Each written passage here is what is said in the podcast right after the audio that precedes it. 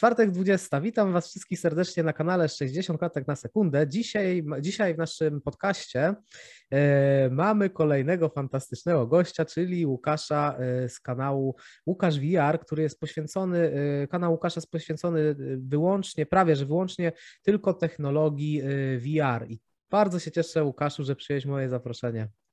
A, nie ma problemu. Witam, dzień dobry wszystkim. My mamy z Łukaszem małe déjà vu, bo po prostu kilka minut temu e, niestety nie włączyłem nagrywania i musimy powtórzyć wszystko od początku, także ja już się palę ze Ale to był początek, to nie problem. Tak, na szczęście się połapałem w, pierwszych pięciu minutach, także nadrobimy, natomiast mamy tutaj, będziemy mieć tutaj z Łukaszem małe déjà vu przeze mnie. Mhm. Okej, i Łukaszu, to co właśnie mówiłem, y, co się nie nagrało, to to, że Łukasz prowadzi właśnie fantastyczny kanał, jeśli chodzi o VR, ponieważ jest to zbiór już takiej dosyć pogłębionej wiedzy na temat y, technologii VR, ponieważ y, Łukasz już y, od jakiegoś czasu rozwija swoje zainteresowanie i tak jak mówiłem wcześniej przed nagraniem, y, że pada tam wiele y, u Łukasza takiego nazewnictwa mm, w środowisku VR już y, powstało wiele y, określeń y, technicznych na pewnego rodzaju Tak, aspekty. dokładnie. I bardzo się cieszę, że właśnie jest kanał Łukasza na YouTubie, ponieważ można się wiele z niego dowiedzieć, na co bym w ogóle bez tego kanału nie wpadł, ponieważ szukałem jakieś materiały i, i tutaj e, warto odwiedzić e, kanał, jeśli em, chcemy dowiedzieć się już takiej dosyć e, szczegółowej wiedzy na temat VR-u. I pierwsze moje takie pytanie do Ciebie, Łukaszu, to brzmi, kto Twoim zdaniem w tym momencie oferuje najlepsze Google VR e, w tym momencie na rynku? Takie trochę pytanie amatora, mm, ale zacznijmy tak z To grubej jest, rury. y, to jest pytanie, które pada najczęściej ogólnie przed zakupem, że jeżeli ktoś chce kupić okulary, to najlepsze. Ale problem jest taki, że na ten moment tak naprawdę nie ma najlepszych okularów, bo wszystkie mają jakieś wady i najlepsze jest to, że każde okulary mają inne wady. Więc y, moim osobistym zdaniem zawsze jak próbuję komuś doradzić, co kupić, to lepiej jest kupić te, które mają takie wady, które ci nie będą, że tak powiem, przeszkadzać. Nie? Ale jakbym miał tak naprawdę wybrać, e, co na ten moment jest najlepsze na rynku, co ma najwięcej funkcjonalności, najfajniejsze parametry i że tak powiem cena nie gra roli, no to niestety okazuje się, że tych okularów nie możemy kupić. My jako zwykli ludzie, zwykli gracze, z tego względu, że rynek VR z jakiegoś niewiadomego mi powodu jest podzielony na dwie sekcje. I mamy sekcję VR gamingową, gdzie firmy tworzą okulary stricte pod graczy, pod konsumentów, którzy po prostu chcą w miarę przystępnej cenie właśnie skorzystać z takiej technologii i po prostu mieć możliwość grania czy oglądania filmów. I jest drugi, jakby drugi oddział, mm, gdzie firmy tworzą okulary specjalnie dedykowane do biznesu i do mm, firm, dla firm, więc jeżeli nie masz działalności gospodarczej, to takich okularów nie będziesz mógł kupić, chyba że nie wiem, ktoś Mhm. jakimś dziwnym trafem na czarnym rynku, na szarym rynku coś takiego sobie załatwi. I właśnie tu jest ten problem, że takie najfajniejsze rzeczywiście okulary, które na ten moment można zdobyć, są niestety po tej strefie firmowej, tej strefie jednak, jednak biznesowej. I tutaj nie wiem, czy kojarzysz coś takiego jak Vario, jest taka firma Vario i oni Mhm. wyskoczyli e, z naprawdę spektakularnymi okularami. I aktualnie są jakby już w trzeciej wersji tych okularów. E, Te okulary nazywają się Vario VR 3 i to jest absolutna bestia. Tam masz e, ponad 5K w ogóle rozdzielczość ekranu, masz, masz w ogóle dwa wtopione w siebie ekrany. Masz taki mały ekranik, który służy tylko i wyłącznie do tej jakby najbliższej środkowej części, gdzie patrzysz okiem. Jest też ten większy ekran, który jest trochę gorszej rozdzielczości, gdzie po prostu już tak detalicznie nie jesteś skłonny patrzeć oczami, nie? Mhm. Więc to jest taki ekran, który po prostu wypełnia przestrzeń. I to jest taki jakby patent, który właśnie znany jest tylko i wyłącznie przez tą firmę i nikt inny czegoś takiego jeszcze nie zrobił. I to jest strasznie takie no, wypasione, nie? Tylko problem jest taki, że nie dość, że te okulary kosztują same w sobie, same okulary 3200 dolarów, to jeszcze musisz płacić rocznie za używanie ich 800 dolarów. Musisz jeszcze dokupić e, dwie, dwa sensory, dwie latarnie Steam VR, które kosztują chyba teraz 500 czy 600 dolarów. Do tego musisz sobie kupić kontrolery, jakbyś chciał rzeczywiście na tych okularach grać. No bo można na nich grać, bo one jakby są zasilane przez komputer, można wszystkie jakby aplikacje, które wspiera Steam, e, możesz uruchomić. Tylko tak jak mówię, no, są to kurcze okulary, których my, zwykli konsumenci, no niestety kupić nie możemy. A tutaj, Łukaszu, nasuwa mi się takie pytanie, że y, skoro te Google VR są mm, stosowane w celach biznesowych, to jakie one mają zastosowanie? takim w praktycznym podejściu, jeśli tak na chwilę zostawiając granie? Mhm. Wiesz co, e, wydaje mi się, że największe zastosowanie to są aplikacje treningowe. Na przykład mhm. E, czytałem niedawno artykuł, że okulary VR są na przykład wykupywane przez e, militarię, przez na przykład wojsko amerykańskie i oni w ten mhm. sposób szkolą nowych żołnierzy przykładowo. Tworzą wow. specjalne aplikacje wojenne, E, gdzie próbują, nie wiem czy kojarzysz temat kiedyś America's Army, było kiedyś taką grą, symulacją, gdzie próbowali e, tak, tak, tak, tak, stworzyć pewne różne środowiska, jakieś, nie wiem, odwzorować pewne misje, które mhm. odbywały się w dawnych latach przez właśnie amerykańskie wojska. I oni wykorzystują VR w bardzo podobny sposób, tworząc sobie spe specjalne takie gry wojenne, e, dzięki którym mogą tych żołnierzy, że tak powiem, postawić na polu walki jeszcze w takim środowisku, gdzie, gdzie mogą się czuć jeszcze w miarę bezpiecznie, tak? Mhm. Że nie są gdzieś e, na nie wiadomo jakim froncie. E, mhm. Można to wykorzystać w formie też edukacyjnej. Szkoły, może w Polsce akurat nie za bardzo, ale za granicą wiele szkół zaczyna inwestować też w edukację pod kątem VR, że na przykład można stworzyć aplikację w stylu Google Earth, gdzie mhm. możesz na przykład przemieścić się w jakieś fajne miejsce, załóżmy jakieś muzeum czy coś i zrobić taką wirtualną wycieczkę. E, ma to też zastosowanie medyczne. E, są działy, które eksperymentują z technologią VR i też AR, e, gdzie możesz też w pewien sposób sobie wspomóc e, proces jakiejś operacji, która jest bardziej skomplikowana i okulary mogą na przykład wyświetlić e, jakieś bardzo ważne informacje, które lekarz potrzebuje w konkretnym momencie. Więc firmy, że tak powiem, kombinują strasznie co można zrobić. Nawet taka śmieszna sieć sklepów jak Walmart amerykańska potrafi zakupić okulary VR dla pracowników, żeby ich szkolić na kasie sklepowej, co samo w sobie brzmi komicznie, jak na to popatrzymy, ale, ale jednak, no kurczę, to się jednak y, robi z tego jakaś przyszłość, tak, że, że może rzeczywiście mhm. za te kilka, kilkanaście lat nie trzeba będzie specjalnie, nie wiem, zamykać sklepów albo specjalnie kupować jakichś takich przykładowo kas treningowych, gdzie, gdzie mhm. taką osobę się stawia, ewentualnie nie stawia się jej od razu w sklepie na tej kasie, gdzie człowiek nie ma bladego pojęcia, co robi, tylko właśnie wspomagają się takimi okularami co mm, e, pozwala im, że tak powiem, doświadczyć pewnych e, interakcji, może niezbyt skomplikowanych, bo podejrzewam, że większość takich e, dedykowanych aplikacji dla firm, no może nie są jakoś super rozbudowane, mhm. ale potrafią zbudować jakieś tam, jakieś tam środowisko, jakąś taką symulację, która pozwoli im rzeczywiście osiągnąć pewien cel. Nie? Mhm. Więc y, wydaje mi się, że głównie do tego takie okulary są y, wykorzystywane. No, powiem Ci, że nie wiedziałem o tym. Także tym bardziej się cieszę, że, y, że, że, możemy, że mamy okazję dzisiaj porozmawiać, bo choćby te aplikacje wojenne, symulacje wojenne brzmią, w ogóle wszystkie te elementy, które, te możliwości, które wymieniłeś łącznie z tym Walmartem, jest to bardzo ciekawe. Także mm. faktycznie, no u nas w Polsce to raczej szybko nie będzie to wykorzystywane. Raczej ta, te, ta e, mm, tradycyjna technologia, czyli po prostu wrzucenie pracownika w pierwszy dzień w wirakcji, tak, raczej jeszcze będzie z nami długo. To jest Ale... taka mentalność, która się raczej nie zmieni prędko. Tak, to właśnie to też jest chyba kwestia trochę mentalności niż, e, no to jeszcze troszeczkę przed nami, ale fajnie, że w ogóle coś takiego już e, pojawia się w takim właśnie wydaniu w życia codziennego, przynajmniej w, gdzieś tam w niektórych krajach.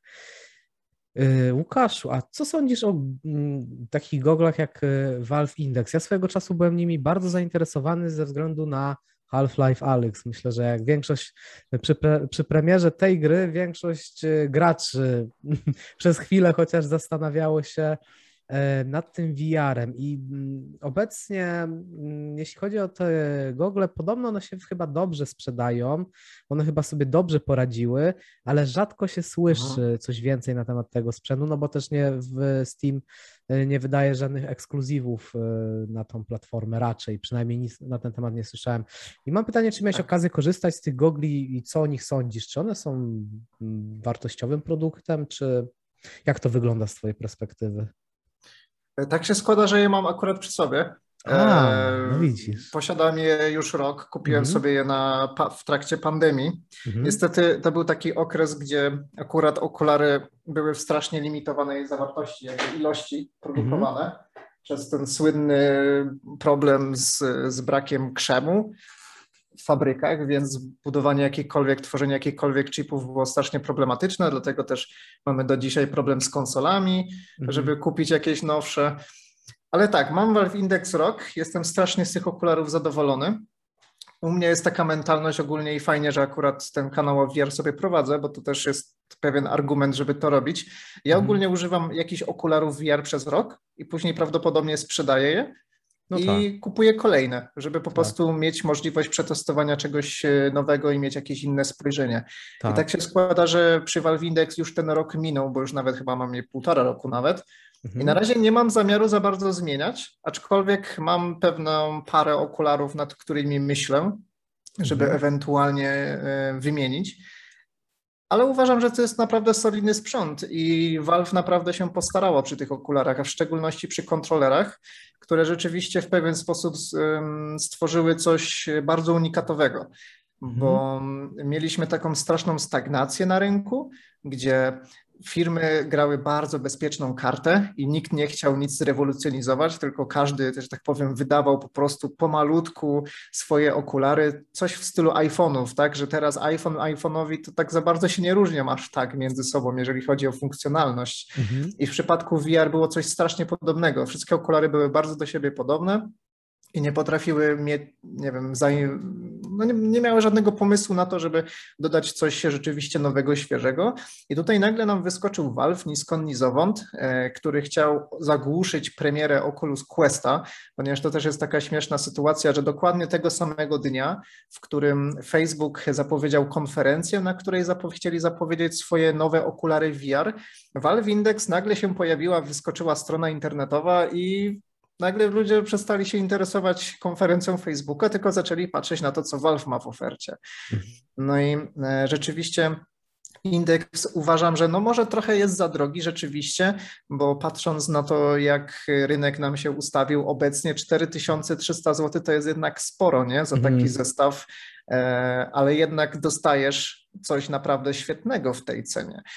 I Valve ma też takie podejście, co mnie osobiście strasznie irytuje, że jeżeli oni coś tworzą, czy to właśnie VR, czy, czy jakąś e, usługę nową dodają, nie wiem, czy kojarzysz, była kiedyś taka usługa jak Steam TV, gdzie mhm. próbowali zrobić konkurencję Twitchowi i mogłeś niby streamować na tej platformie. Ta platforma już tak naprawdę nie istnieje, bo wydali ją i nagle temat ucichł, nikt nic z tym nie robił, żadnej aktualizacji to nie dostało. I Valve ma taką strasznie negatywną tendencję do wspierania jakichś projektów, jakichś pomysłów. I oni bardzo często wypuszczają tylko prototyp jako ciekawostkę, patrzą na zainteresowanie, a potem o tym zapominają. Tak, tak samo jak tutaj Steam Control tak, Steam Controller też jest właśnie świetnym pomysłem, czy też Steam Machine, yy, też był taki prototyp przecież mini komputerów, teraz mamy Steam Deck, mm. który jest jakby nie patrzeć takim połączeniem Steam Controller i Steam Machine, że wzięli dwa mhm. swoje poprzednie projekty i zrobili z tego jedną wielką fuzję, co jest bardzo spoko. Jestem ciekaw, czy Valve rzeczywiście będzie wspierać ten Steam Deck na dłuższą ja metę, mhm. bo patrząc na to, jak traktują swoje poprzednie produkty i pomysły, no to można by, że tak powiem, stwierdzić, że rzeczywiście oni tylko wydadzą to urządzenie mhm. i może tylko naprawią jakieś pomniejsze błędy i tyle. I mhm. może tak naprawdę na tym się skończy cały ten temat Steam Decka. Zobaczymy. No, to jest też coś, nad, nad, czym, nad czym się zastanawiam. Tak, tak. Ja też Natomiast... to jest bardzo też ciekawy temat.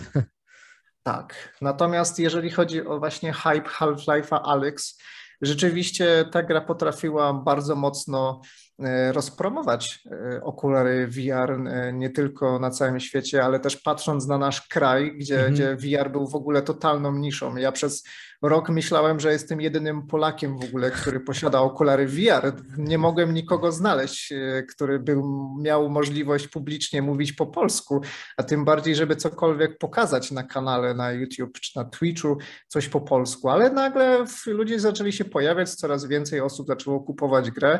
Wydaje mi się, że pierwszą taką grą, która rzeczywiście ruszyła i podpromowała trochę VR, był VR Chat, taka aplikacja społeczna, mhm. gdzie ludzie mogą się zebrać w takim jednym pomieszczeniu, tam chyba nawet do 40 osób teraz ta gra wspiera. Możesz się przebrać w dowolną postać i tak naprawdę w zależności od tego, co ta mapa, co ten pokój oferuje, możesz na przykład siedzieć, możesz słuchać muzyki, oglądać razem filmy, można w coś zagrać w jakieś mini Właśnie chciałem cię Łukaszu to jeszcze dopytać, zanim to umknie, bo widziałem na jednym nagraniu e, w mhm. internecie, że po, podobno popularne jest e, patrzenie w lustro, jak się z tą postacią, że jest coś takiego. Tak. I możesz tak. wytłumaczyć, na czym polega to? Ja nie jestem w stanie trochę zrozumieć, no ale no nie, nie miałem okazji tego przetestować, więc nie rozumiem doświadczenia, ale jakbyś mógł nam przybliżyć, bo to jest takie bardzo ciekawe.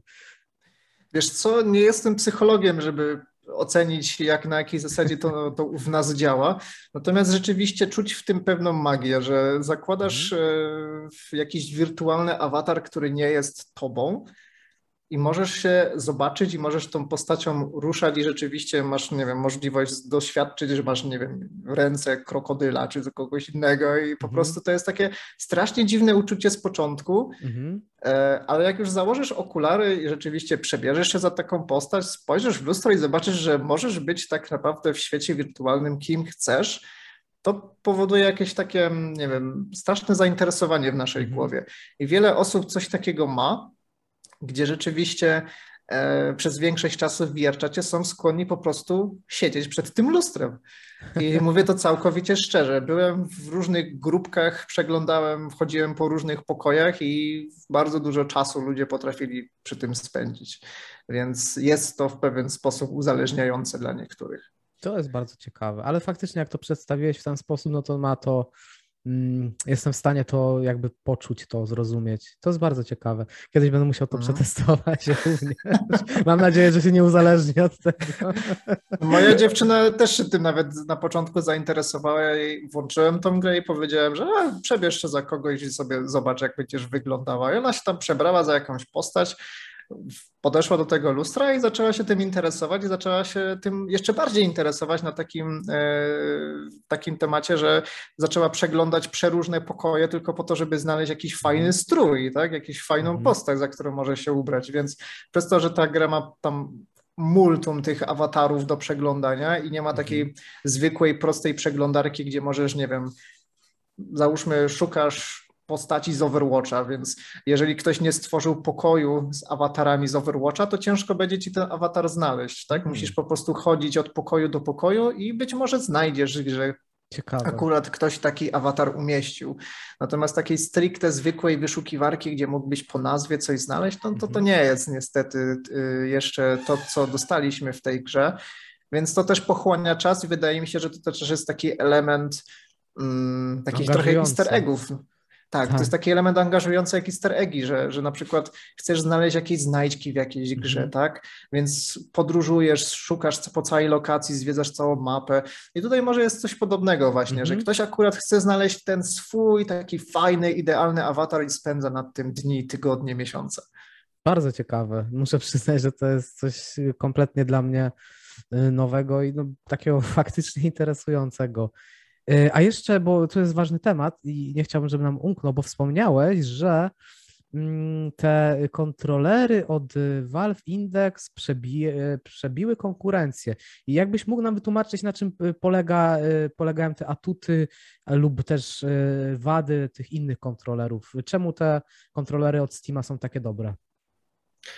E, wiesz co, jak pojawiały się, jak pojawiały się pierwsze boom właśnie na, na powrót do technologii VR, nie mówię tutaj o Virtual Boyu z 1990 któregoś tam, który był dołączany do NES-a, tylko już ten start, który rozpoczął Oculus Rift, E, pierwsze jakby partie takich kontrolerów e, ruchowych, z których mogliśmy korzystać, miały prosty layout zwykłego kontrolera od Xboxa, tak? Czyli miałeś dwie gałki analogowe, miałeś przyciski ABXY, miałeś trigger, no i miałeś też bumper w formie specjalnego przycisku, który był z tyłu jakby rączki, tak? Żeby mhm.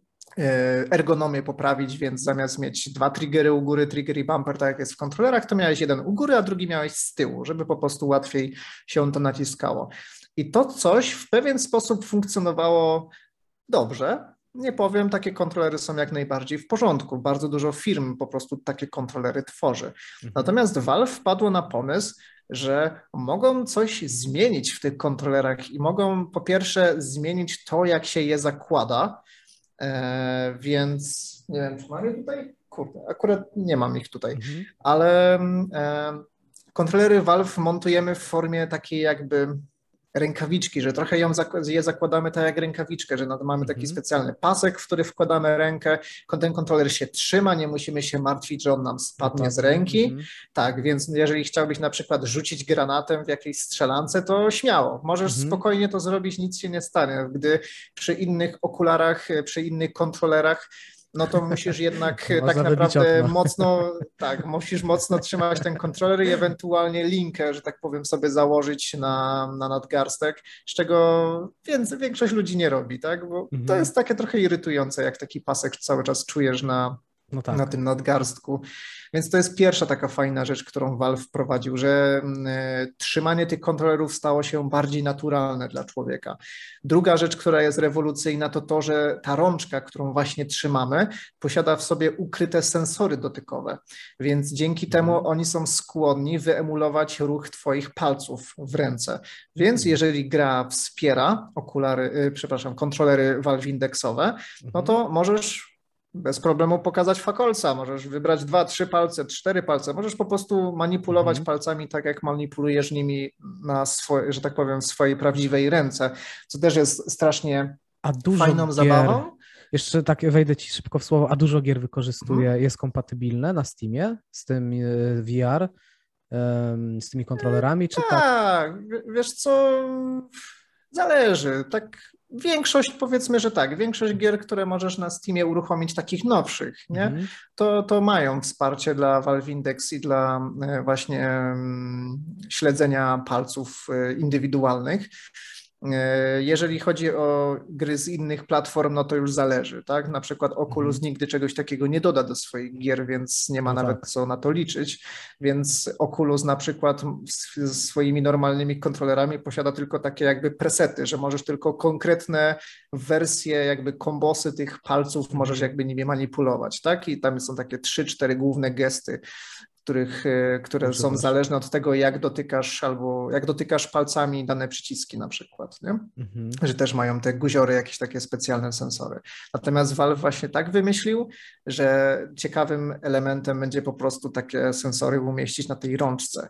I nie dość, że możesz kciukiem spokojnie sterować gałką, naciskać przyciski kontrolerowe, tak jak są w innych kontrolerach, to właśnie masz też tą rączkę, którą zawsze trzymasz i po prostu dzięki tym palcom możesz to manipulować. I to też sprowadza do kolejnej rzeczy, która jest fajna w tych y, właśnie kontrolerach, że nie ma tego przycisku, nie ma tego bumpera, który masz na padach. Mhm. Czyli tak jak masz właśnie trigger i masz bumper, to na Valve Index tego bumpera nie ma, nie ma fizycznego przycisku. Jeżeli chcesz rzeczywiście mieć tą funkcjonalność, jeżeli chcesz coś złapać, bo w większości gier VR naciśnięcie właśnie tego tylnego przycisku, tego bumpera to jest y, złapanie czegoś, to na Valve Index naturalnie po prostu ściskasz tą rączkę. Więc mhm. to też buduje takie naturalne, naturalne mm, uczucie, że coś rzeczywiście w tej dłoni trzymasz. I jest to rzeczywiście fajne, ale na dłuższą metę osobiście mnie to troszeczkę zaczęło irytować, bo jeżeli na przykład grasz intensywnie w jakąś strzelankę i cały czas trzymasz mhm. te ręce mocno zaciśnięte, żeby ta broń ci nie wypadła z ręki, no mhm. to te ręce ci się pocą. Moje ręce mhm. akurat bardzo mocno się pocą, więc to mnie troszeczkę irytuje. Ale niektóre gry posiadają takie różne opcje, albo możesz też ewentualnie sterowanie zmienić, ponieważ Steam e, posiada teraz taki fajny menadżer do zmiany sterowania. Możesz wszystkie kontrolery, jakie istnieją, możesz sobie przepindować, jak ci się tylko podoba do każdej gry co jest bardzo spoko. Tylko trzeba się trochę tego nauczyć, bo ten interfejs, który posiadają, no nie jest zbyt logiczny, powiedzmy sobie to szczerze, mhm. ale jak y, posiedzisz w nim 5-10 minut, no to raczej jesteś skłonny to zrozumieć, że tutaj jest to, a to jest to i jest mhm. super, tak? Więc można sobie to dostroić. Więc jeżeli jest taka gra, która pozwala mi rzeczywiście zrezygnować z tego, że muszę cały czas mocno trzymać y, te rączki, żeby móc trzymać karabin, no to mhm. staram się raczej to zmienić, nie? Mhm. To jest bardzo ciekawe.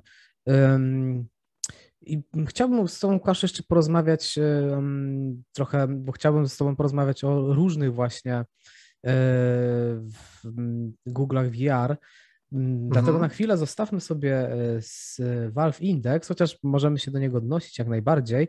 I chciałbym teraz się Ciebie zapytać, czy miałeś jakieś doświadczenia z PSVR e, i czy czekasz na PSVR 2? Nie wiem, czy pewnie znasz te przecieki, e, które tak. są, że mm, Sony prawdopodobnie rozwiąże jeden z największych problemów VR, czyli ta choroba lokomocyjna. Oraz będą też te kontrolery od Sony dosyć ciekawe, bo prawdopodobnie będą wykorzystywały haptyczne wibracje. I jak, jakie masz doświadczenia z tym podstawowym PSVR, jeśli masz? I czy czekasz na ten PSVR 2? Jakie są Twoje przewidywania odnośnie jakości tego sprzętu?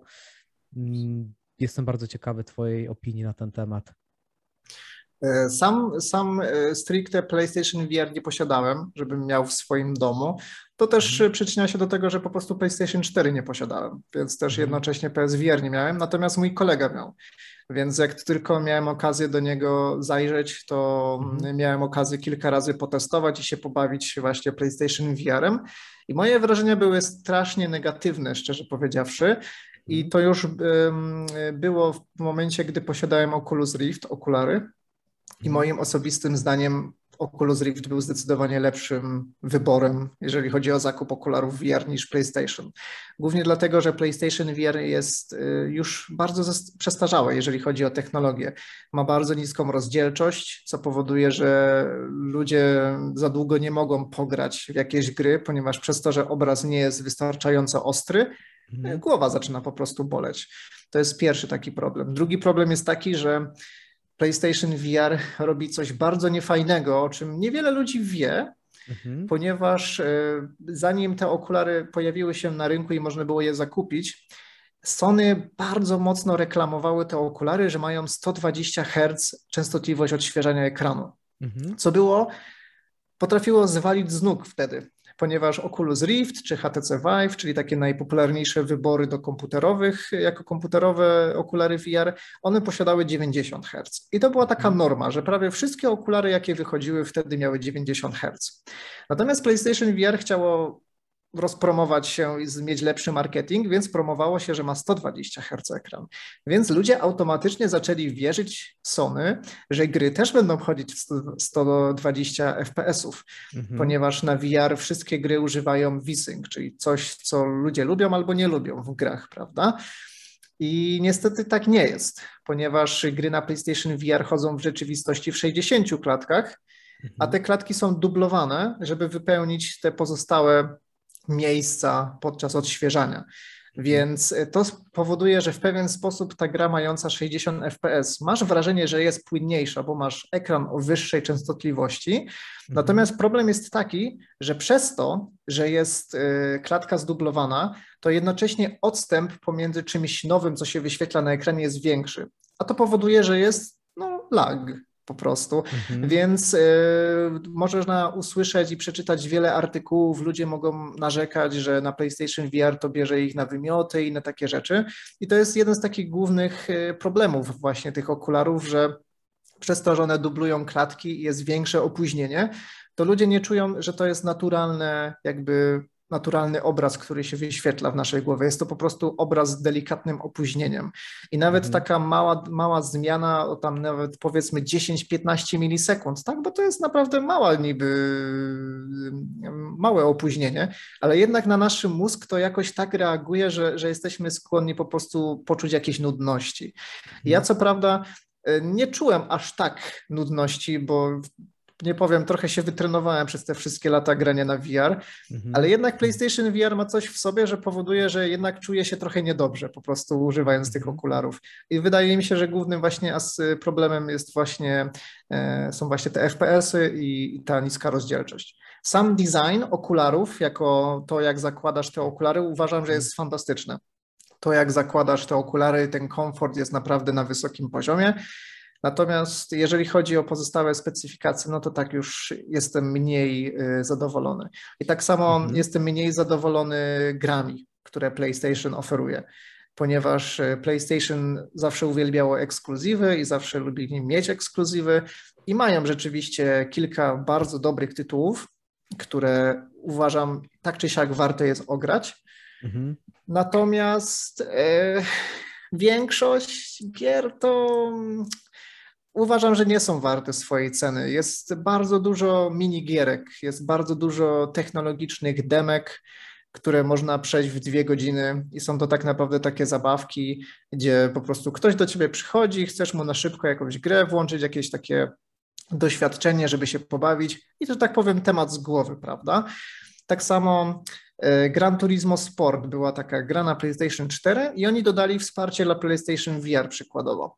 No to mhm. też oczywiście ludzie kupili jak szaleni, bo myśleli, że całe Gran Turismo Sport będą mogli zagrać na PlayStation VR. Okazuje się, że nieprawda, bo PlayStation VR wspiera tylko kilka torów i tylko jeden tryb, jeden bodajże na jednego, więc no mhm. niestety trochę też ludzie zaczęli być oszukiwani przez Sony i po prostu kamuflować pewne niedociągnięcia i pewne limity konsoli. Mhm. I zastanawiam się właśnie nad PlayStation VR 2. Nie powiem, że akurat tymi okularami jestem zainteresowany, więc mhm. być może PlayStation 5 kupię specjalnie dla tych okularów.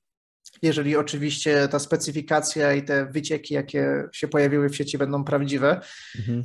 Natomiast yy, nie wiem, czy, czy dostaniemy rzeczywiście takie pełnoprawne gry VR, Możemy mhm. rzeczywiście słyszeć, że coraz więcej się o tym mówi, że być może będziemy dostawać takie gry. Tak, były takie przecieki, plotki, że niby Sony ma postawić na AAA tym razem, jeśli chodzi o PSVR 2, no ale cały tak. czas tutaj obracamy się w, no, w takich przeciekach, plotkach, więc na razie No jeszcze... dokładnie, więc ciężko jest mi po prostu uwierzyć w niektóre rzeczy, patrząc na to, co było poprzednim razem, prawda?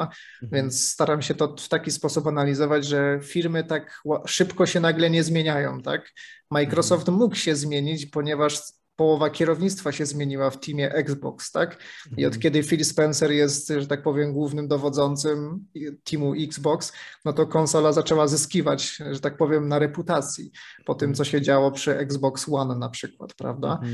Więc e, PSVR będzie dobrym, to będzie fajna para okularów. Podejrzewam, że będzie. Nieważne, czy te przecieki będą prawdziwe, czy nieprawdziwe, uważam, że to będzie naprawdę fajny zakup.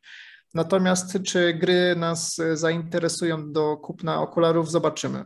Mhm. Po prostu, czy na przykład, nie wiem, Gran Turismo 7 wychodzi w marcu, więc y, czy cała gra będzie dostępna w trybie PSVR 2, czy mhm. tylko też kilka torów, się mhm. okaże. No. Tak, no teraz PlayStation 5 ma o wiele większą moc, więc zobaczymy, czy tym razem te limity na PSVR 2 też będą, w Sony będzie w stanie popchnąć jakoś na tyle mocno do przodu i też właśnie zapewni, tak jak, mówi, tak jak mówisz, już takie dosyć bardziej zaawansowane gry. No teraz teoretycznie chyba ta moc powinna być wystarczająca do tych obietnic, tak. no ale musimy podejść tutaj z rezerwą, bo to są tylko przecieki i w praktyce może być różnie. No na pewno Sony tutaj też zależy, żeby skłaniać, mieć cały czas jakieś argumenty, żeby to PlayStation 5 się sprzedawało, więc ten PSVR na pewno będzie dosyć z ich punktu widzenia dosyć ważną inwestycją i mm, raczej nie będą chcieli nawalić przy tej premierze tego sprzętu, ale różnie bywa. Mhm. różnie bywa i to, że oni chcą, no każdy chce jak najlepiej, a no wiadomo. Wychodzi, nam wszystkim to e, bardzo różnie, więc zobaczymy. Natomiast no, jest to na pewno coś takiego na horyzoncie, bardzo ciekawego i też takiego. PSVR ta jedynka była dostępna też cenowo dla takiego, e, dla, dla, dla klientów, jeśli chodzi o taką tak. globalną konsumpcję, więc tutaj też ten PSVR 2 może też będzie też takiej dosyć e, wypośrodkowanej cenie, więc też to Mm, może być dosyć e, ciekawy sprzęt e, dla takiego casuala jak ja choćby. Bo... Tak, zobaczymy, e, ponieważ teraz na przykład nie wiem, czy kojarzysz temat Oculus Quest 2, takich mhm. okularów. One kosztują 300 dolarów, tak mhm. pi razy drzwi. I to jest aktualnie najpopularniejszy wybór okularów przez ludzi, głównie przez to, że po prostu są tanie rzeczywiście. Mhm. No i też są fajne funkcjonalności, ponieważ jeżeli spojrzymy na przykład na statystyki tego, e, jakie komputery posiada, posiada średni użytkownik Steama, to zobaczymy, że jest to laptop z GTX-em 1060, tak? tak? Jest dokładnie. to laptop, którego, który VR raczej nie pociągnie w obecnym stanie, mhm. więc e, okulary, które się tworzy pod komputer, pod komputer rzeczywiście rzeczywiście muszą zadowolić tą niszę, która jednak sobie może pozwolić na takie gamingowe komputery, tak jak na przykład ja. A co z całą resztą, nie? Mhm. Ludzi, którzy jednak nie mają sprzętu na na to, żeby skorzystać z okularów. No i tutaj akurat właśnie wchodzi Facebook, tworząc Oculus Quest, czyli właśnie takie okulary w formie konsoli mobilnej, że możesz uruchomić gry wewnątrz tego urządzenia, albo możesz też sobie za pośrednictwem kabla, albo za pośrednictwem, jeżeli masz bardzo dobry router z siecią Wi-Fi 5 lub 6, to też możesz bezprzewodowo podłączyć komputer do tych okularów i też możesz wtedy od, od, e, odpalić gry komputerowe, prawda? Jeżeli rzeczywiście taki komputer posiadasz. Ale uważam, że większość ludzi takiego komputera właśnie nie ma, więc jeżeli kupują Oculus Quest 1 czy 2, no to właśnie korzystają głównie z tych gier, które są wbudowane. No i niestety muszą się liczyć z tym, że ta jakość graficzna gier w, mobil, w formie mobilnej jednak nie jest taka satysfakcjonująca jak na, jak na komputerze. I wydaje mhm. mi się, że przy PlayStation VR jest coś podobnego, że PlayStation właśnie bije się z Facebookiem aktualnie o to, y, o tych klientów, którzy tych komputerów jednak nie mają, żeby mhm. zainteresować e, ludzi do zakupu, tak, żeby coraz więcej tych ludzi na tym, e, z tego VR korzystało, żeby coraz więcej ludzi gry kupowało, coraz więcej ludzi sprzęt kupowało, no żeby wiadomo, maszyna się, e, że tak powiem, szła dalej, prawda, żeby jakoś to tam funkcjonowało.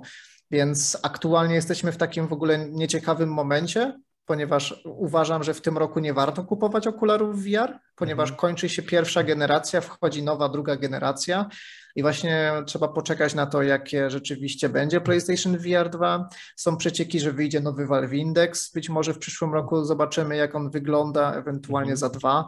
Więc y, ciężko jest teraz y, zainteresować się w sumie tematem VR, ponieważ jeżeli kupisz teraz okulary, to się może okazać, że już będą przedawnione i trzeba będzie je zainwestować w kolejne. I mhm. jest taki jeden bardzo poważny problem, o którym nawet wcale nie tak dawno mówiłem na moim kanale, że przez to, że Oculus Quest 2 jest bardzo popularny aktualnie są to najpopularniejsze okulary, które w ogóle są aktywnie używane, to bardzo dużo firm, które tworzy gry na VR, od podstaw, tworzy te gry specjalnie pod Oculus Quest mhm. i później ewentualnie je na szybko portują Portuję. na inne platformy. Mhm. I to strasznie uderzyło we mnie, ponieważ no, nie jestem może człowiekiem, który lubi e, przypieprzać się do grafiki, bo szczerze powiedziawszy w większości gier mam bardzo takie neutralne zdanie, czy gra jest ładna, czy brzydka. Ja jestem z pokolenia, gdzie grało się w Quake 3 na lanie, więc mm. grafika nie ma jakiegoś tam dużego znaczenia. Natomiast patrząc na to, że zakładasz okulary VR i jedyne co widzisz tak naprawdę swoimi oczami, to jest jednak ten świat, to jest jednak ta grafika, to moje postrzeganie tego, czy grafika powinna być ładna, czy nie, jednak trochę się zmieniło. Mhm. E, przez te okulary. I jeżeli widzę tą strasznie prostą grafikę e, stworzoną z jakichś, nie wiem, kwadratów, trójkątów, kółeczek i nie widać w tym żadnych detali, bo mhm. powiedzmy sobie szczerze, większość gier VR na Questa tak wygląda, no to trochę jestem zniesmaczony tym i nie powiem trochę mnie to irytuje, że mhm. nie wychodzą już takie zaawansowane detalicznie gry jak Half-Life Alyx, czy nawet kiedyś Oculus, jak robił gry na komputer, to robił bardzo fajne y, gry AAA Więc mam nadzieję, że PlayStation VR 2 na tyle wypali, że rzeczywiście zachęci to twórców do tego, żeby jednak wykorzystać moc konsoli, żeby mhm. jednak tworzyć gry takie, jak, jak powinny po prostu wyglądać. No taki ciekawy dosyć obraz nam zarysowałeś, bo wychodzi na to, że albo jeszcze właśnie Valve tutaj powalczy i może dostarczy jakieś e, mm, wysokobudżetowe powiedzmy gry, jeśli chodzi o VR, albo Sony, a tak to to raczej nie ma na kogo liczyć. Tutaj Facebook okazuje się takim troszeczkę hamulcowym w tym wszystkim rozwoju tak. tej technologii. No, dokładnie. Facebook aktualnie cofnął nas w rozwoju po prostu o 5 lat. Z jednej mhm. strony e, rzeczywiście fajnie, że jest więcej użytkowników i cieszy mnie to, że jest coraz więcej użytkowników, bo też dzięki temu mój kanał rośnie mhm. po prostu w siłę, bo więcej ludzi jest zainteresowane tym wszystkim. Natomiast ma to e, właśnie ten haczyk w tym, że te okulary są takie tanie, jest właśnie taki, że po prostu ten sprzęt nie jest jeszcze na tyle mocny i wydajny, żeby móc dorównać temu, co już mieliśmy po prostu. Więc Jedyna nadzieja jest... jest... chyba taka, że no Facebook też będzie mm, dalej usprawniał ten sprzęt, czyli będzie Oculus Quest 3, tak, i ta moc może będzie podbita. Tylko no też Dokładnie. jest teraz problem z tymi komponentami na świecie, więc y, no zobaczymy, tak, kiedy będzie ewentualnie tak, jestem bardzo ciekaw. Facebook planuje konferencję w przyszłym miesiącu, więc mhm. październik tak naprawdę nam pokaże, jaki jest kolejny krok Facebooka. Czy mhm. rzeczywiście pojawi się Quest 3, czy może pojawi się Quest Pro, a może pojawi się powrót Oculus Rift, czyli okularów komputerowych. Cholera wie, co się stanie. Mhm. Czy Quest 3 powstanie tak szybko? Wydaje mi się, że chyba nie nie chce mi się za bardzo w to wierzyć. Nie słyszałem o tym, żeby Snapdragon, czyli firma, która tworzy mobilne chipy właśnie dla też Oculusa, stworzyła tak mocny chip, żeby po prostu Quest 3 już mógł z niego skorzystać, tak? Mhm. Więc Facebook musi ewidentnie coś wymyśleć, ponieważ PlayStation VR 2 nadchodzi w przyszłym roku, więc po prostu muszą nadgonić potencjalną konkurencję. Mhm. Co nie? Tak, no jest to faktycznie taki dosyć obraz. W sumie tak naprawdę wychodzi na to, że mm, tak jak mówisz, że na razie najlepiej się wstrzymać i poczekać, aż wyjdą, jak wyjdzie coś, ta, jak będzie ta druga generacja okularów. Tak teraz jest. nie jest to. A jeszcze mam takie, y, y, interesuje mnie taka kwestia, bo mamy tutaj zarysowane kilka tych platform i która z tych platform Twoim zdaniem ma najlepsze ekskluzywy? Y, czy właśnie tutaj PlayStation mówię, że tak średnio, ale mamy jeszcze środowisko Steama, mamy właśnie jeszcze Oculus Quest. I jeszcze jestem ciekawy, jakie w ogóle masz podejście do tych ekskluzywnych gier na VR. Dobrze, że one są, czy jak to w ogóle wygląda z Twojej perspektywy? Ja jestem ogólnie strasznym przeciwnikiem jakiejkolwiek ekskluzywności. Moim zdaniem wszystko powinno być wyjść wszędzie tam, gdzie jest skłonne, że tak powiem, się uruchomić, więc nieważne jaka to by była gra, to uważam, że powinna być na każdej konsoli, na każdym komputerze i gdzie się tylko da, że tak powiem, to mhm. uruchomić. I w przypadku VR moim zdaniem e, budowanie takich kolejnych podziałów patrząc na to, że jesteśmy i tak małą społecznością, bo VR na ten moment jest liczone, że jakieś 12 milionów osób posiada, mhm. więc wyobraź sobie, że masz 12 milionów konsumentów, mhm. których dzielisz jeszcze Aha. na trzy różne pomniejsze grupy, które mogą skorzystać z tych ekskluzywnych możliwości jakichś okularów czy gier. Mhm. A co z resztą? Reszta też chce się pobawić w te rzeczy, więc oni w mhm. ten sposób hamsko napędzają rynek, że powinieneś kupić wszystkie okulary tak naprawdę, jakie istnieją, co jest mhm. totalnie w ogóle głupie, patrząc na to, że VR jednak jest trochę drogawy jeszcze. Tak. No wiadomo, Quest jest tanie, ale co z resztą, nie? Reszta okularów sobie nie może pozwolić na taką y, niską cenę. Facebook może, bo zarabia miliardy na naszej prywatności, prawda? I na reklamodawcach, natomiast inne firmy nie mogą sobie pozwolić na to, żeby wydać e, okulary VR, na których nie będą zarabiać, tak? tak? Ponieważ Facebook aktualnie nie zarabia ani grosza na okularach, oni zarabiają po prostu na tym, co jest wewnątrz tych okularów, czyli mhm. na tak naprawdę na ich sklepie, na aplikacjach i tak dalej. Mhm. Jeżeli chodzi o najfajniejsze ekskluzywy, e, to wydaje mi się, że przez dłuższą, na dłuższy czas to się raczej nie zmieni. No, PlayStation może nas zaskoczyć, ale na ten moment e, osobiście bardzo polecam tytuły ekskluzywne, które były na Oculus Rift, mhm. czyli te komputerowe ekskluzywy, z którymi, że tak powiem, VR startował, mhm. ponieważ jest tam dużo gier AAA, o których może mało ludzi słyszało z tego względu, że Facebook e, za bardzo się nie angażował w promowanie tych gier, nie wiem mhm. dlaczego, ale jak już się kupi jakieś okulary, które działają z komputerem, to mhm. jest dobra wiadomość, ktoś stworzył hack. I dzięki temu hackowi można grać w te gry ekskluzywne, nie mając Oculusa. Więc to jest bardzo fajna rzecz. Więc na przykład ja, mając Valve Index, mogłem sobie te gry y, zagrać i przetestować. I naprawdę jestem bardzo, bardzo zaskoczony, że kilka naprawdę świetnych gier, jak nie wiem, pierwsze co przychodzi mi na myśl to jest Lone Echo, jest to taka gra kosmiczna, jest Asgard's Wrath, jest to taki rasowy RPG w mitologii nordyckiej. To też jest taka naprawdę świetna gra. Jest Williams Heart, to jest taki czarno-biały horror e, z pierwszej osoby, której się osobiście trochę jeszcze boję zagrać w całości, bo ja tak niechętnie do horrorów podchodzę. Natomiast rzeczywiście, kurde, Rift jak, jak miał te swoje gry, to kurczę, szapoba. PlayStation VR 1 w żaden sposób do tego, że tak powiem, nie dorównywał. A Steam, Steam nie ma żadnych ekskluzywów. Steam jest zawsze taką otwartą platformą, oni chcą, żeby wszystko było na wszystkim, więc Half-Life Alyx nie był grą zablokowaną pod Valve Index, to była gra, którą można było uruchomić na wszystkich okularach, które działają na komputerze. Więc jeżeli chodzi o bibliotekę Steama, no to tak jak mówię, Tytułów ekskluzywnych nie ma, ale gier też jest naprawdę sporo, w których można coś ciekawego znaleźć. Mhm. A mm, mam do Ciebie jeszcze takie właśnie pytanie. Jestem ciekawy, ponieważ pojawia się coraz więcej gadżetów, jeśli chodzi o VR. Um, niektóre są w ogóle tak samo jak właśnie sam całe to hobby jest dosyć jeszcze taką mm, drogą zabawą. No, można to właśnie pomijać jakimiś PSVR teraz używane jest w miarę tanie, czy, czy Oculus tak. Quest 2 jest tani, już powoli troszeczkę pojawiają się takie y, budżetowe wyjścia, rozwiązania, no ale wciąż, jeśli chcemy tak naprawdę w to wejść, no tak jak mówisz, jak masz na przykład te Google Valve Index, no to one tak brzmią z tego wszystkiego najbardziej, no najlepiej, tak? No wiadomo, nie mówimy tutaj już o jakichś tam absurdalnych y, kwotach za Google, y, które pewnie by się jeszcze znalazły, tak jak na przykład właśnie te biznesowe i tak dalej, ale no wydaje mhm. się, że jeśli chcemy to dobrze poczuć, no to choćby taki Valve Index może nam to dać, ale to już jest dosyć wysoki koszt. I które twoim zdaniem tutaj mm, te gogle są warte swojej ceny, które gadżety są warte swojej ceny a co lepiej sobie odpuścić z tych y, dostępnych w tym momencie mm, produktów? Wiesz co, ciężko mi w sumie y, powiedzieć, z czego można jakby zrezygnować, z tego względu, że zawsze znajdą się jacyś y, ludzie, którzy będą w garażu tworzyć jakieś akcesoria i potem będą próbowali je masowo, że tak powiem, wypuścić w sprzedaż. Więc jeżeli chodzi o jakieś takie gadżety i akcesoria, to jest ich multum.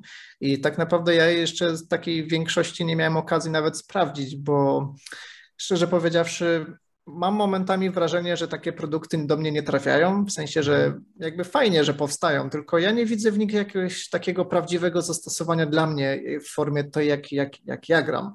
Bo na mhm. przykład można sobie zakupić takie specjalne linki, które przyczepiasz na sufit, które potrafią na przykład zniwelować problem kabla. Dużo mhm. ludzi nienawidzi, jak jest kabel podpięty do okularów, dlatego lubią Questa, bo Quest kabla nie ma. Mhm. Więc jeżeli cię na przykład irytuje to, że jest kabel za tobą i powoduje, że nie możesz się swobodnie obracać we wszystkie strony, jak ci się tylko podoba, no to ludzie kupują takie specjalne haczyki, montują na ten haczyk kabel i ten kabel sobie wisi na suficie, prawda? I w ten sposób możesz zniwelować pewien jeden problem, tak? Więc mhm. jakby VR ma dużo problemów, na które zawsze ktoś próbuje znaleźć jakąś solucję. I najdziwniejsze w tym wszystkim jest to, że jeżeli ktoś znajduje solucję na to, jak coś naprawić, to nigdy to nie jest wielka firma, nigdy to nie jest wielka korporacja, która próbuje rzeczywiście VR poprawić, mhm. co jest strasznie dziwne, tylko zawsze musimy liczyć na jakieś małe startupy, małe firmy, które po prostu zaczynają hobbystycznie, a potem przerabiają się w jakąś większą firmę. Świetnym przykładem jest firma VR Cover, to jest akurat firma, którą polecam. E, mhm. Nie dlatego, że mi tam płacą za coś, bo mi nikt za to nie płaci, ale VR Cover ma takie, zaczęli jako taka mała firma, która tworzy e, gąbeczki do okularów. Więc jeżeli mhm. chciałbyś sobie wymienić swoją gąbeczkę w okularach, bo domyślnie dostajesz tylko jedną, i podejrzewam, że w przypadku większości okularów e, chyba dalej nie można ich e, myć w pralce, e, co jest trochę dziwne, że dostajesz taką jednorazową. Są okulary, gdzie dostajesz jednak kilkurazowego użytku, natomiast mhm. na przykład HTC Vive takiej gąbeczki do wielokrotnego użytku nie dawała przykładowo, no. mhm. co było trochę głupie, więc trzeba było kupować kolejne. Więc VR Cover oferowało właśnie takie specjalne gąbeczki, takie szmatki, żeby móc właśnie, no oni stosują taką higienę po prostu, ich głównym tematem jest po prostu higiena w VR. Są takie fajne akcesoria, wiele firm już się tego podjęło, więc nie będę mówić z nazwy jakąś jedną konkretną, mhm. ale są firmy, które pozwalają ci zamontować specjalne soczewki kontaktowe na okulary, więc jeżeli tak jak ja mm, nosisz okulary przykładowo, no to e, można sobie zakupić takie specjalne soczewki, więc tych okularów VR wtedy nie trzeba będzie mieć założonych, mhm. co bardzo polecam akurat, ponieważ e, używanie VR w okularach to jest moim zdaniem mordęga. Próbowałem i na Rifcie, i na Vive'ie, i na Index teraz i żadne okulary, kurde, nie potrafią jakichś komfortowych doznań mi doświadczyć mhm. z okularami, więc takie soczewki są też bardzo spoko. E, ostatnio pojawiło się bardzo fajne urządzonko o nazwie Deca Move i jak pytałeś się mnie na temat PlayStation VR 2 i tego, że podobno zniwelują problem e, choroby lokomocyjnej, co szczerze powiedziawszy wątpię, że to, co oni planują, może rzeczywiście to zmienić. Mhm. Tak, y, Dekamove jest takim urządzeniem, które też próbuje podjąć tą próbę i rzeczywiście zniwelować mm, efekty wymiotne. I powiem Ci szczerze, że to jednak w pewien sposób jest game changerem, jeżeli chodzi o walkę mhm. z chorobą symulatorową, ponieważ y, moja dziewczyna na przykład ma chorobę lokomocyjną.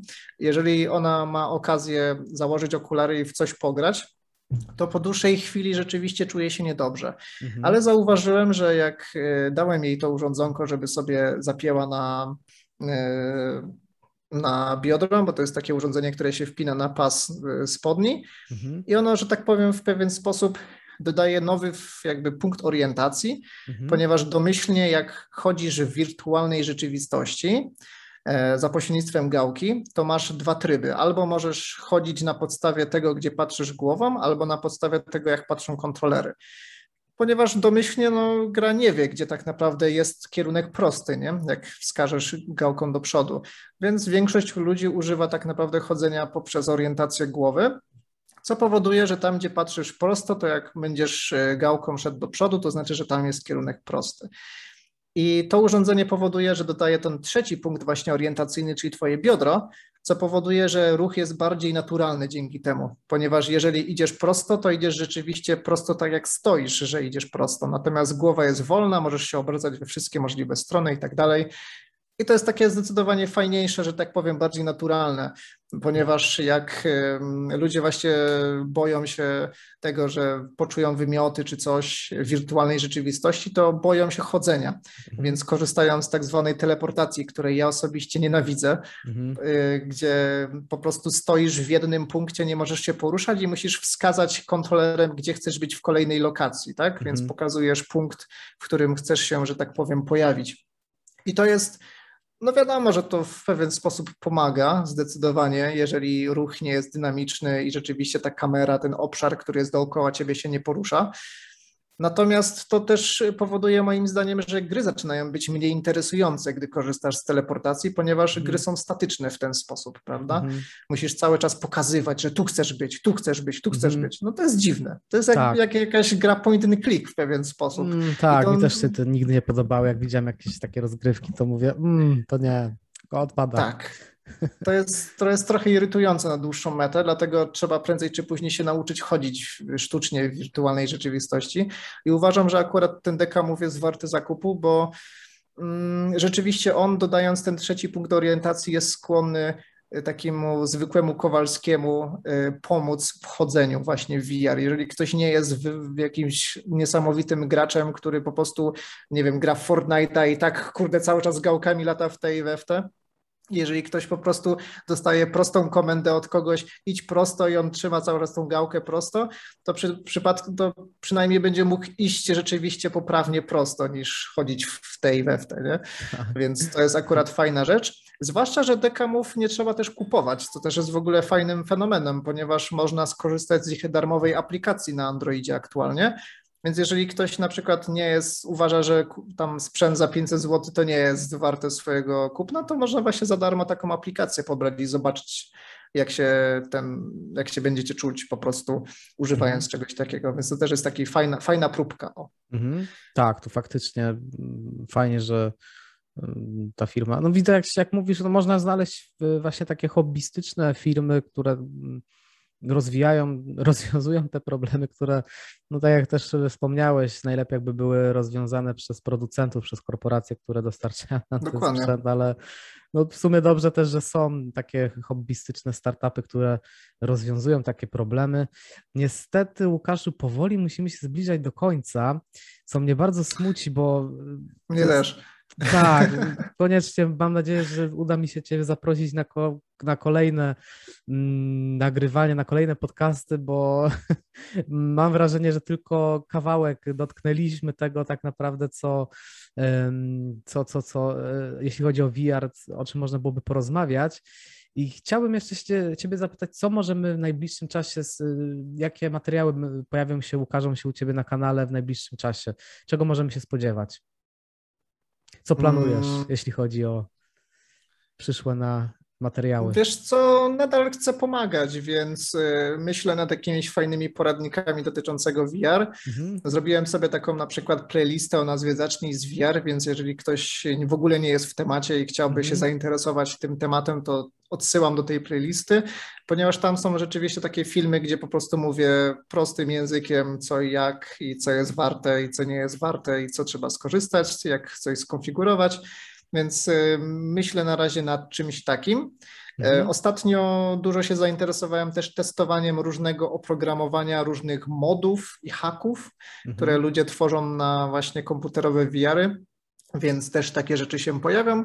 No i też y, planuję nowy taki mały format recenzencki z grami, ponieważ mhm. Y, ostatnio mi tego brakuje żeby trochę porecenzować gry, więc to też no to się niedługo pojawi. W sumie muszę przyznać, że się zapowiada bardzo ciekawie. tak naprawdę. Także ja Zobaczymy, będę... jak wyjdzie w praniu. Tak, no wiadomo, z czasem czasami jest problem, ale ja w takim wypadku czekam na materiały. Link do Twojego kanału wrzucę do opisu i w komentarzu pod e, naszym podcastem. I bardzo wszystkich e, zachęcam do odwiedzin e, kanału Łukasza, bo właśnie można wiele się dowiedzieć, jeśli chodzi o VR. Mi bardzo pomagają materiały Łukasza, żeby właśnie tak się zapoznać w ogóle z tą technologią, bo no to też jest taki troszeczkę, to jest drogie hobby i przed dokonaniem jakiegoś zakupu warto zorientować się w temacie, żeby nie przestrzelić, no bo kilku tysięcy raczej nikt nie chciał przestrzelić. Tak, więc... nie popełnij błędu. Tak, dokładnie, nie popełnij błędu, także dziękuję Ci Łukaszu, że wpadłeś, mam nadzieję, że w przyszłości uda nam się trochę pogłębić już y, kolejne rozmowy. Ja też jeszcze na razie chyba się wstrzymam z VR-em, trochę mnie ten Oculus Quest 2 y, Mm, tak troszeczkę interesuje, żeby w ogóle to spróbować. Mm, też on jest właśnie dosyć takim łatwym i tanim wejściem, ale no chyba tak. jeszcze poczekam na ten PSVR 2, bo tutaj trochę taką mam nadzieję, że, że, że on tutaj jednak namiesza i że to będzie dobry punkt wejścia. Ale zobaczymy. Na pewno będą jeszcze wiele ciekawych tematów tutaj się um, pojawiło i z którym, o których chciałbym z Tobą porozmawiać. Także dziękuję Ci bardzo za rozmowę, za Twój czas i. Ja również. Do usłyszenia. do usłyszenia, dziękujemy. Dziękujemy.